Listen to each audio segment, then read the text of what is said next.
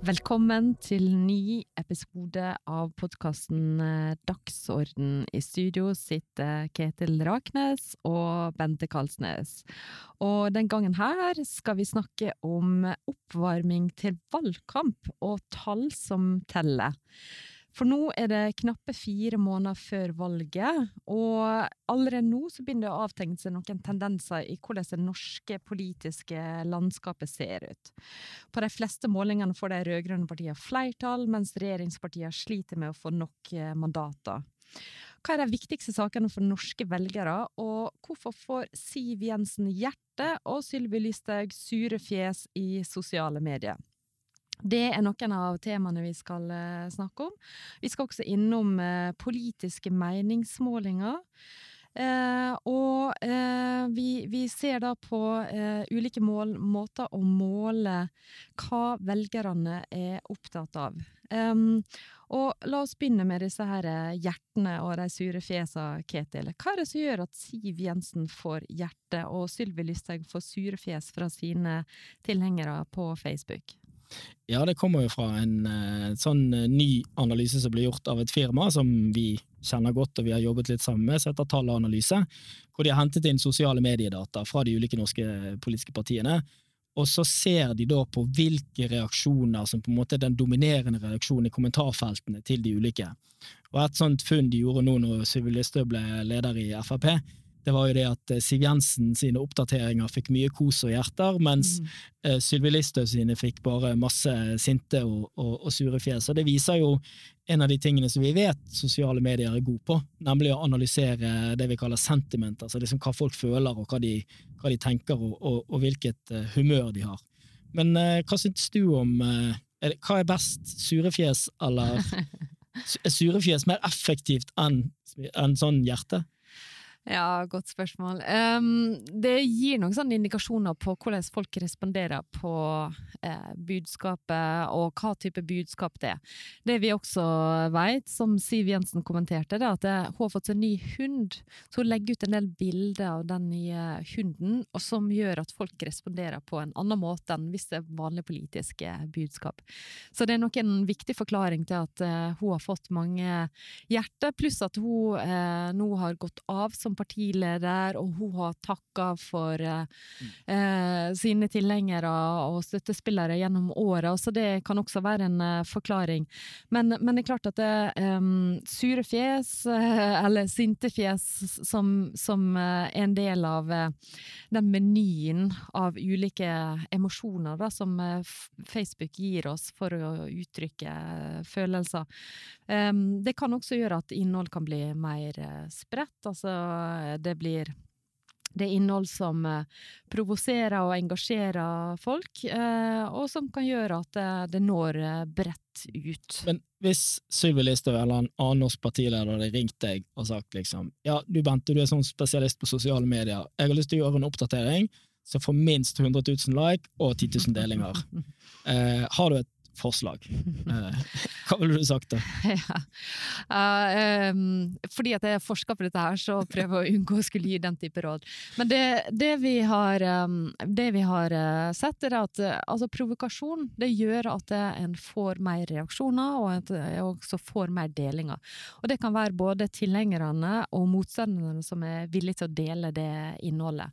og et fellestrekk for politisk innhold som blir delt masse, det er at en har har eh, tilhengere som er eh, sterkt politisk engasjert. Mm. Hvis folk ikke er så politisk engasjert, så skal det en del til for at de ønsker å dele det.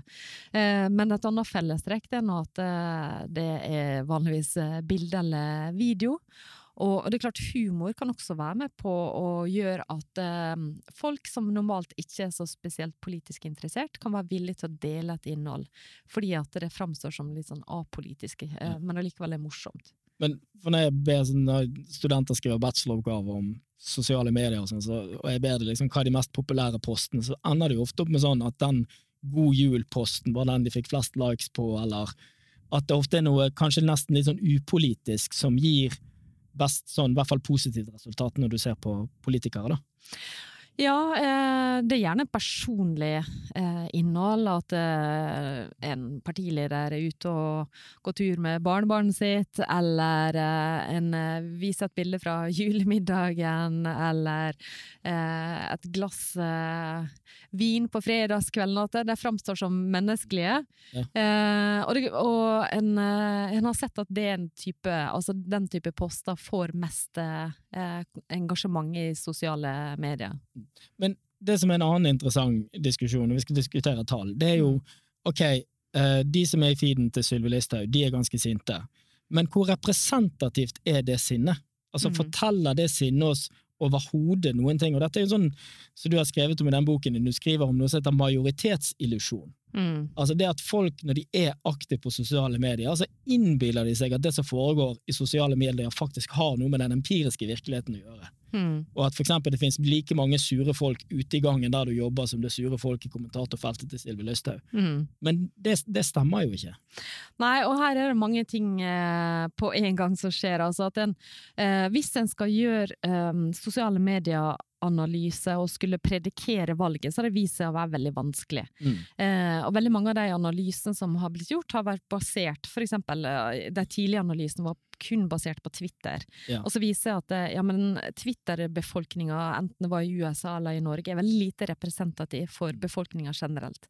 Derfor var det vanskelig å skulle predikere valgresultat basert kun på Twitter-data. Etter hvert har en klart å inkludere mer, men samtidig så vet vi at det, eh, folk flest er ikke spesielt interessert i å snakke om politikk i sosiale medier. Mm. Så det er veldig mange som kan bruke sosiale medier, men som ikke ytrer politiske meninger eller synspunkt. Mm. Eh, så det å skulle um, ta de sosiale mediedataene og skulle si noe om ok, valget kommer til å slå ut på den måten, har foreløpig vist seg å være svært vanskelig å, å, få til. For det jeg så på valget i USA sist, det var jo at det var mange folk som lagde sånne ulike prediksjonsmodeller, og da var det jo det at Trump kom til å vinne fordi at hans folk var mest engasjert. Og da mm. tenkte jeg at ja, det er godt mulig at de er mest liksom At de har de sterkeste følelsene, og at mm. de liksom deler de følelsene mest. Men det forteller oss jo veldig lite om hvor mange de er i praksis. Så du har jo vært med å skrive noen artikler av disse såkalte alternative nyhetsstedene. Mm. Sånn Dokument og, og Resett og sånn. Og ikke litt samme effekten der at det egentlig altså I forhold til hvor mange som mener de tingene rundt de, så får de en enorm spredning eller deling? Ja, altså vi vet at um, velgere som uh, uh, ja, kanskje er litt sånn på ytterkantene også er ganske ivrige på, på, nett, eh, i sosiale medier.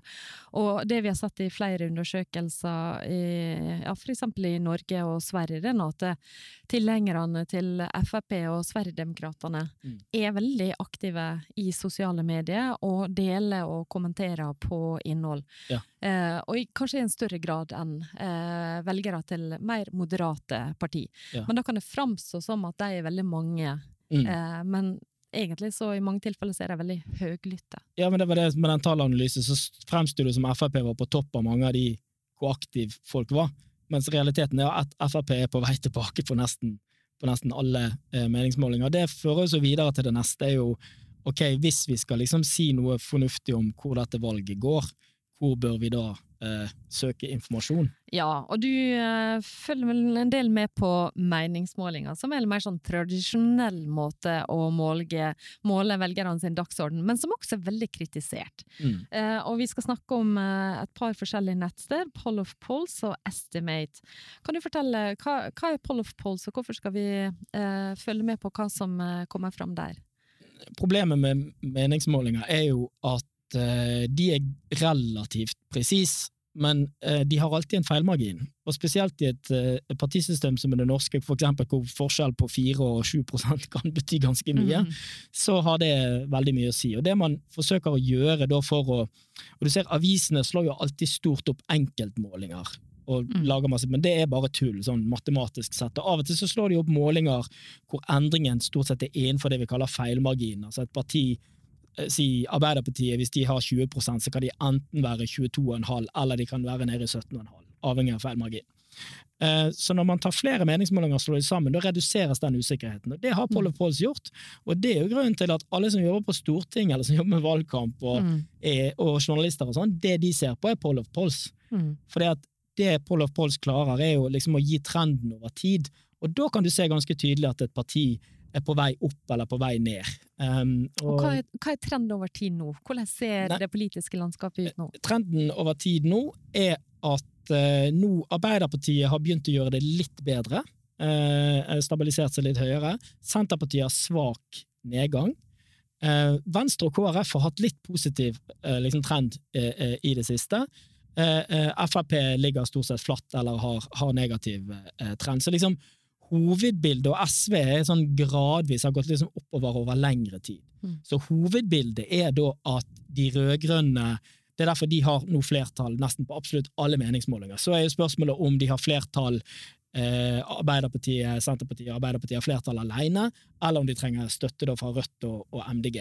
Mm. Og Det store, gøye spørsmålet er jo denne flertallssperregrensebingoen på begge sider. sant? Mm. Venstre KrF, og så har du Rødt og, og eh, og MDG. Og der er alle nå innenfor feilmarginen, så det er helt umulig å si per i dag hvem av de som kommer over sperregrensenivået. Og så er det et annet nettsted som er forholdsvis nytt, som heter Estimate, eh, som Jørgen Bolstad fra statsvitenskap og UiO står bak. Eh, ja. hva, hva, er det slags nettsted? Det er litt sånn eh, for de av som har fulgt med på kanskje det 538 Nate Silver i USA. Mm der bruker han jo gjennomsnitt altså Han bruker Paul og Pauls, og så prøver han å bruke det til å lage en slags sannsynlighetsberegning. Altså sannsynlighetsberegne på kommer et parti over eller under sperregrensen, eller sannsynlighetsberegne hvor sannsynlig er det for at Arbeiderpartiet, Senterpartiet og SV får flertall ved mm. valget. Mm. Og Det de forsøker å gjøre da, uten at vi skal bli for tekniske, er jo at Paul og Pauls er også veldig flinke til å ta vekk de meningsmålingene som har lav kvalitet. Så de forsøker å lage dette så bra som mulig, og så fòrer han dette inn i modeller, og så gjør man sånne simuleringer, da, hvor liksom man kan, kan liksom lage en sannsynlighet. Og det som selvfølgelig er der nå, er at stort sett så er det jo nesten 98-99-97 sannsynlig for at regjeringen mister flertallet mm. ved valget. Mm. Det, men det er heller ikke så veldig overraskende, fordi at en regjering som har sittet i åtte år, vil uansett ha, ha store problemer. Mm. Og så var det en undersøkelse vi syns var eh, ganske interessant, og vi ser at den har blitt eh, brukt og sitert eh, mange ganger. Det var Norstat som hadde spurt eh, hva er de viktigste sakene i valgkampen for velgerne.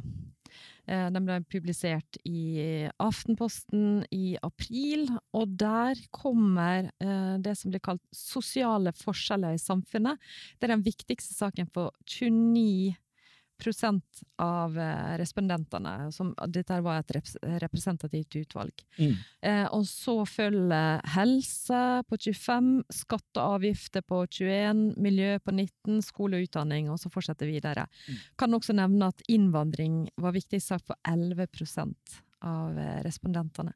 Hva forteller det her oss, Ketil? Um, nei, det forteller oss at dagsorden uh, har endret seg betydelig vi husker vi har vel diskutert tidligere i 2017. Uh, eh, og da var jo innvandring den viktigste saken for mm. velgerne. Var en av hovedforklaringene til at Frp gjorde det såpass bra mm. uh, uh, i det valget. Men så er det jo en sånn interessant Dette med sosiale forskjeller i samfunnet. det er liksom, Hva betyr egentlig det, og er det det samme som man har spurt om tidligere? For disse målingene er jo veldig mm. usikre på hva de egentlig måler, og der har jo du sett litt på Altså man har nødvendigvis ikke stilt det spørsmålet på lik måte før. Ja, for det, det var veldig interessant at eh, den eh, kategorien sosiale forskjeller i samfunnet kommer så høyt opp. For det har ikke vært så tydelig tidligere. Eh, og når vi, når vi da kikker på valgundersøkelsen som er gjennomført av Institutt for samfunnsforskning, der har de det som kalles sosial utjevning som eh, kommer eh, forholdsvis høyt opp, men ikke, eh, ikke høyest, ikke på den måten som vi ser her. Men eh, samtidig så, så, slår det meg at sosiale forskjeller i samfunnet ikke nødvendigvis betyr det samme som sosial utjevning. Så det er klart at de begrepene her kan også eh, legge føringer på hvor viktige de er for velgerne. Og så en annen ting som jeg la merke til, det er at eh, på, på, i den valgundersøkelsen så stiller en åpne spørsmål der velgere sjøl skal fylle inn hva som er de viktigste sakene for dem. Mm. Mens i den Norstat-undersøkelsen så er det lukka kategorier, at det er svaralternativ, og så skal folk eh, velge to kategorier tenker du at det her kan påvirke de tallene vi ser? Selvfølgelig. Uh, og for å rive ned en viktig forestilling, kvantitativ metode er jo ofte ikke så Jeg tror veldig mange har en forestilling om at kvantitativ metode er veldig sikker, at det er veldig sånn solid kunnskap, men den er rammet av alle de samme kommunikasjonseffektene som vi har diskutert her. Mm. For eksempel måten du stiller et spørsmål på. For eksempel når jeg jobbet i SV, så ville vi alltid ha spørsmålet skulle stilles eh, vil du ha høyere skatter sånn at eh, vi kan bruke mer penger på eh, gamle som dør på sykehus. Mm. Da svarer jo 80% ja. mm. så, du, så, måten du stiller spørsmålet på, det kan du si Sosiale forskjeller i samfunnet vil jo en høyreperson kunne si også ja, det skal vi ikke ha noe av, men de kan jo være helt uenige om virkemidlet. Mm. Mens det med sosial utjevning går kanskje mer sånn det er noe mer en sånn venstresidesak, eh, tenker jeg. Da. Ja, for vi så også kjønnsforskjeller på eksempel eh, altså kategoriene sosiale forskjeller i samfunnet og skatter og avgifter. For egentlig så kan det muligens handle om de samme tinga. Ja. Men vi så at det er flere kvinner støtta eh, Altså mente at sosiale forskjeller i samfunnet var viktigst sak, mens flere menn mente skatter og avgifter var viktigst sak. Ja. Og da kan det likevel ligge noen forskjeller i dette her. Ja, ja, og så, og så er det jo en evig sånn hvor begynner altså Når du skal dele inn politikkområder, da, så er det sånn eh, Er eldreomsorg en del av helse? Eller er det bare noe altså Ikke en del av helsesystemet eh, i Norge. Er skatter og avgifter og økonomi mm. er det to forskjellige ting? Altså det, det, er veldig mange, Og miljøet, da hører ikke miljøet innunder alle mulige slags mm. saker. Så det er jo Og samferdsel i distriktspolitikk, for eksempel. Nettopp. Ja. Og det vi ofte har sett òg, er jo at distriktspolitikk kommer ofte ganske lavt på disse her. Men det tror jeg har litt med hvordan man har spurt også. Mm. Hvis for eksempel du hadde spurt velgerne om at syns du liksom at eh, de som bor i distriktene i Norge får for lite oppmerksomhet og politiske overføringer sammenlignet med byene, så ville folk svart du skjønner mm. at, at, det har litt med at distriktspolitikk høres jo så kjedelig og døvt ut. Mm. Så altså, det er ikke en kategori som får det til å bruse i blodet på på folk, tenker da. Så for å få fram de spørsmålene som har med distriktspolitikk, så bør en frame det, eller lage nye tolkningsrammer for ja. Eh, distriktspolitikk? Hadde jeg jobbet i Senterpartiet og skulle lage en meningsmåling, så hadde jeg formulert spørsmålet veldig annerledes. Mm. Syns du folk som kjører elsykkel til jobben og spiser eh, kjøttkaker med bønner, burde bestemme mer i Norge? Men uh, Litt tullete. Men hva, hva, er grunnen til at Senterpartiet alltid skal latterliggjøre kaffelattedrikkende folk i byene? Er ikke det egentlig ei velgergruppe de vil omfavne? Altså for kaffelattedrikkende folk, de drikker melk. Ja, men altså hvis, hvis Senterpartiets liksom, strategi skulle være å omfavne alle som bruker jordbruksprodukter, så tror jeg liksom hele prosjektet hadde falt sammen, falt sammen veldig fort. Alle eh, som drikker uh, sjokomelk? Ja, ja. ja. Uh, men det bringer oss egentlig over til Eh, altså Nå har vi snakket litt om, om eh, ulike måleteknikker, hva vi kan se på, og vi har snakket om dagsorden i valgkampen. Um, og det vi kan si, bare sånn avsluttende om dagsorden i valgkampen, det er jo det at vi vet jo at dagsorden har mye å si. Det, men du kan jo gjenta det, vi har snakket om det før, Bente. Hvorfor er dagsorden i en valgkamp så viktig? Hvorfor er den målingen, hvorfor betyr den målingen vi leste opp nå, mm. noe? Og hvem betyr den noe for? Ja, for det handler om altså hva er velgere eh, opptatt av, og hvem ser en på som de eh, politikerne, de partiene som har de beste løsningene på de problemene, de utfordringene som vi står i akkurat nå. Mm. Det er nå det eh, valgkampen handler om i veldig stor grad, om å formidle Altså partiene skal formidle sine løsninger, og hvordan de skal eh, ta landet framover. Eh, og så skal velgerne eh, komme med sine synspunkter og påvirke eh, partiene til å være opptatt av deres sine saker. Og så er det ulike måter måte å få sine saker på, på dagsorden på. Og, og, det er klart at eh, dagsordenen er mer fragmentert, sånn som vi har lært gjennom mange, mange år. Og, og i, eh, i, år så blir det sikkert en ganske digital valgkamp. Eh, vi har fremdeles en pandemi som vi står i. Mm. Alle er ikke vaksinert ennå.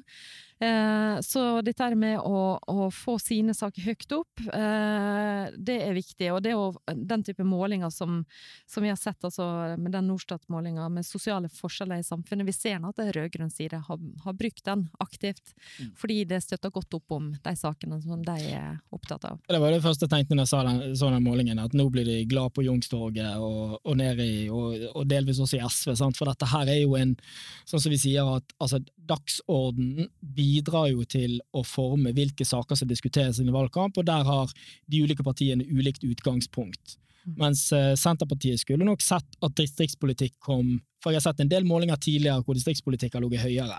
Mm. Uh, og det som er så fascinerende med dagsorden, er jo nettopp hvor ufattelig fort det skifter. Mm. Mm. Og at denne målingen her, når vi kommer til august Jeg så at han Geir Ramnefjell i Dagbladet skrev i dag at han hadde en teori om at når alle er vaksinert og mm. valgkampen starter, så mente han at det kunne være positivt for Høyre, for eksempel. Mm. For da, da, kan dagsorden bli liksom Nå har vi vunnet over koronaen, eh, nå skal vi bringe oss videre. Mm. Eh, eh, og vi hva er, det, hva er det Høyre alltid sier? Vi tror på Norge, de tror ikke på Høyre.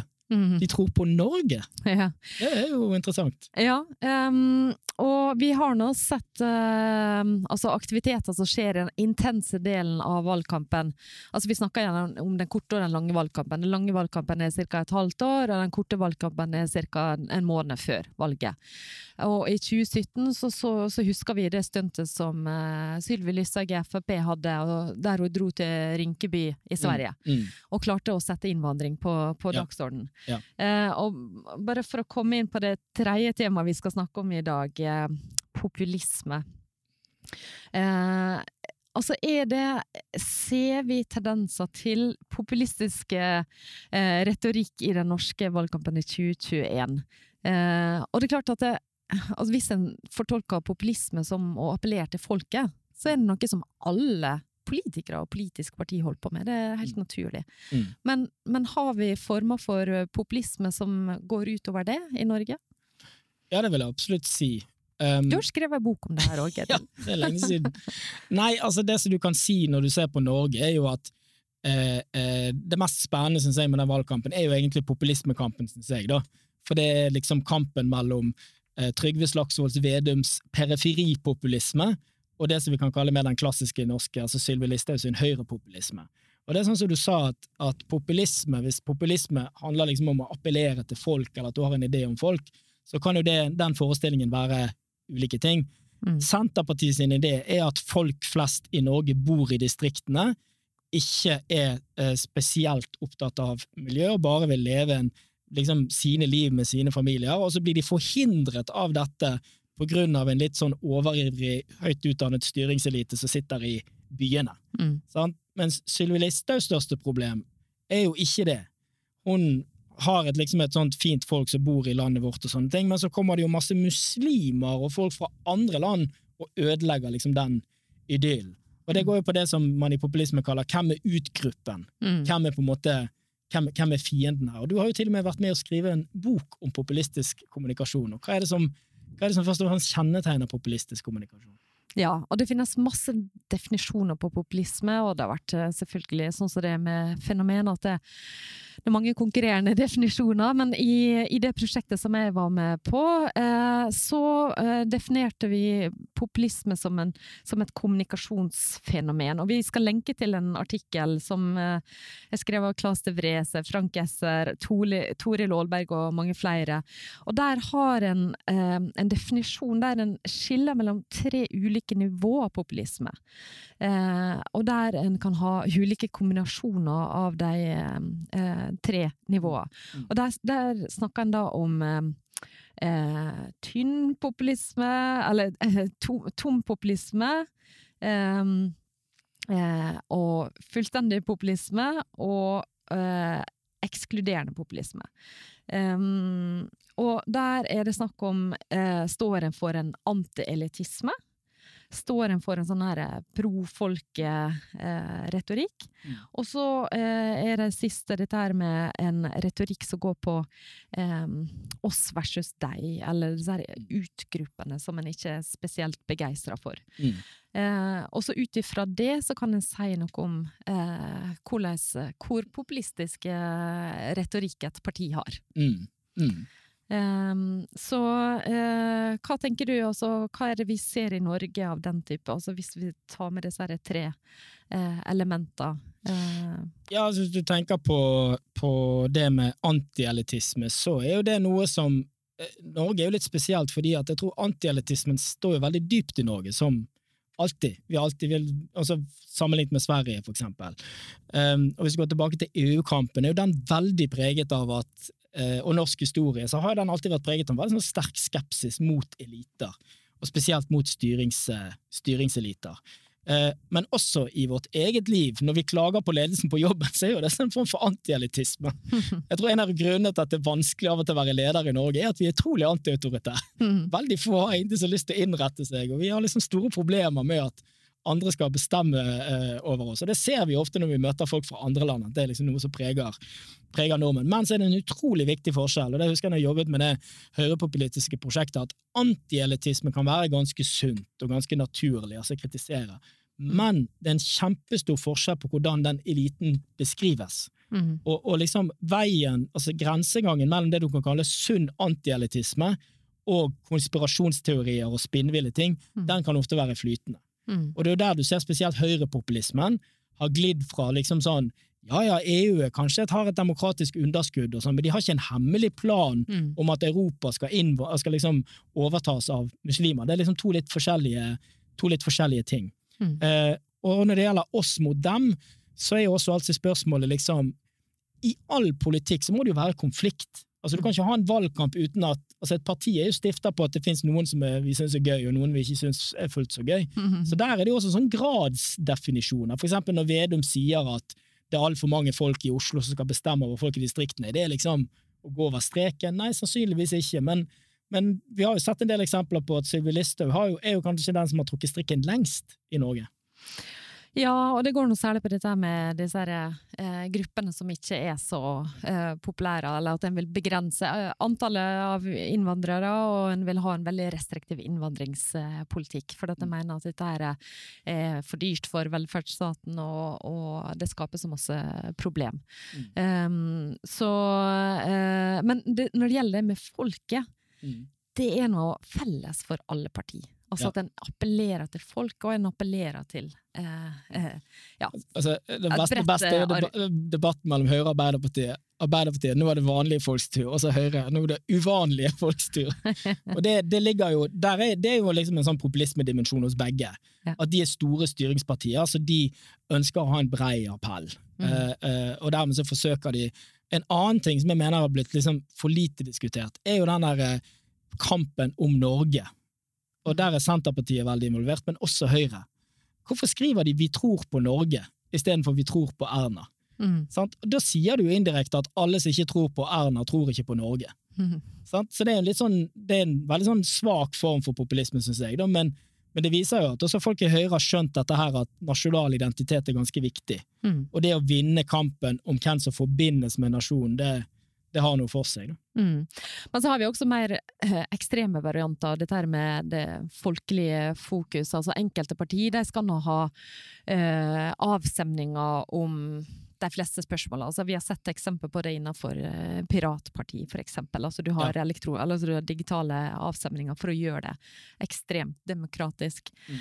Eh, så, så eh, vi har noen ulike grader av det, hvor eh, i hvor stor grad en tar folket sin synspunkt inn i alle partiprosessene. Ja. Eh, I lengda så vil det gjerne føre til ganske ineffektiv eh, drift og, og styring. Ja. Eh, men jeg tror vi kan bare Altså, det er noe som vi finner hos alle partier. Ja.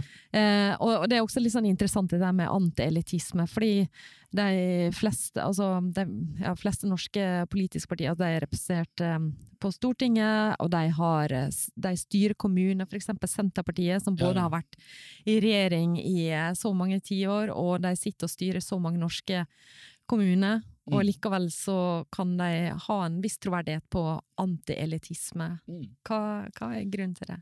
Nei, det er jo fordi at den, det som jeg kalte i sted for periferipopulisme, da, sant? det handler ikke om at de poenget er at Senterpartiet er en elite i Norge, men de er en elite alle steder i Norge hvor de sjøl mener det ikke er så mye makt.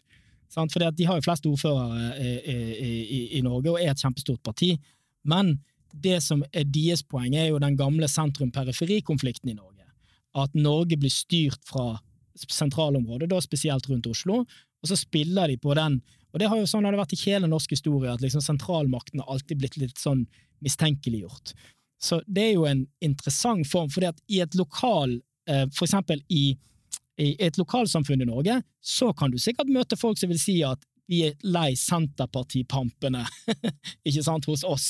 Mm. De som alltid liksom vinner valg. Og, og, så det er litt sånn, det er på sånn makronivå de klarer, de klarer det. Men spørsmålet er jo, som er interessant, ikke sant, hvor langt kan man gå og beskrive seg sjøl som antielitistisk og kritisere eliten når du sjøl skal bli en del av den, eller allerede er en del av den? Mm. Det, det er jo litt sånn interessant. Hva tenker du Mm. om det Senterpartiet holder på med der? Det er en utrolig interessant balansegang. Uh, og eh, vi Har du blitt irritert på noen av Senterpartiet sine utspill, Bente? Oi, det var et stort og vanskelig spørsmål. Jeg blir eh, stadig vekk irritert, både av Senterpartiet og andre. Ja. Men, uh, men det er klart um, uh, Vi snakker om altså, hva skal til for å få endringer på eh, altså, eksempel i målinger på hva velgerne syns det er viktigst. Um, og det å slutte å rakke ned på disse caffè i byen, og, og Det er åpenbart noe som har irritert deg, at kaffelattedrikkingen. Har, du tatt- har du tatt det opp med slektningene dine på Sunnmøre at nå må de slutte med det? Jo, men jeg tenker det handler egentlig om deres beste kunder. Ja. Men uh, vi skal runde av, og um, som vanlig så har vi en del fotnoter og uh, lesetips som dere kan få med dere, som vi skal uh, dele på Facebook-sida vår. Er det en av disse sakene våre du vil trekke fram, Ketil? Um, som lesestoff, eller Som som lesestoff? Ja, altså Siden sist så har jeg jo ikke lest sånn kjempemye, men en bok som jeg faktisk har lyst til å anbefale, er en bok som handler om Sverige, en roman om Sverige i moderne tid, som heter Datteren, som er skrevet av en som heter Lena Andersson, som jeg akkurat leste. Og hvis du skal forstå svensk politikk i dag, så er det faktisk en ganske god bok. Så jeg vil for første gang anbefale en eh, roman til, eh, til de som hører på, om svensk politikk. Så bra. Og du, da? Ja, nei eh, eh, Jeg holder meg litt til dette her eh, faglige trauste. Eh, Vi, skal dele en artikkel som vi snakker litt om, som handler om dette med hvordan en skal definere, eller hvordan en kan definere populisme, og hvordan en kan lese, forstå populisme eh, altså med politisk kommunikasjonsbrille, eh, og hva som eh, eh, er disse ulike nivåer eh, av populisme eh, som vi, vi snakker om. Så den er ganske nyttig for å kunne skjønne en del av disse her eh, diskusjonene rundt det fenomenet. Um, og ja, som kanskje kan demystifisere hele det fenomenet på et vis. For det vi har sagt litt, det er jo at populisme er mange ting, eh, og det, kan, det er ikke nødvendigvis alltid negativt.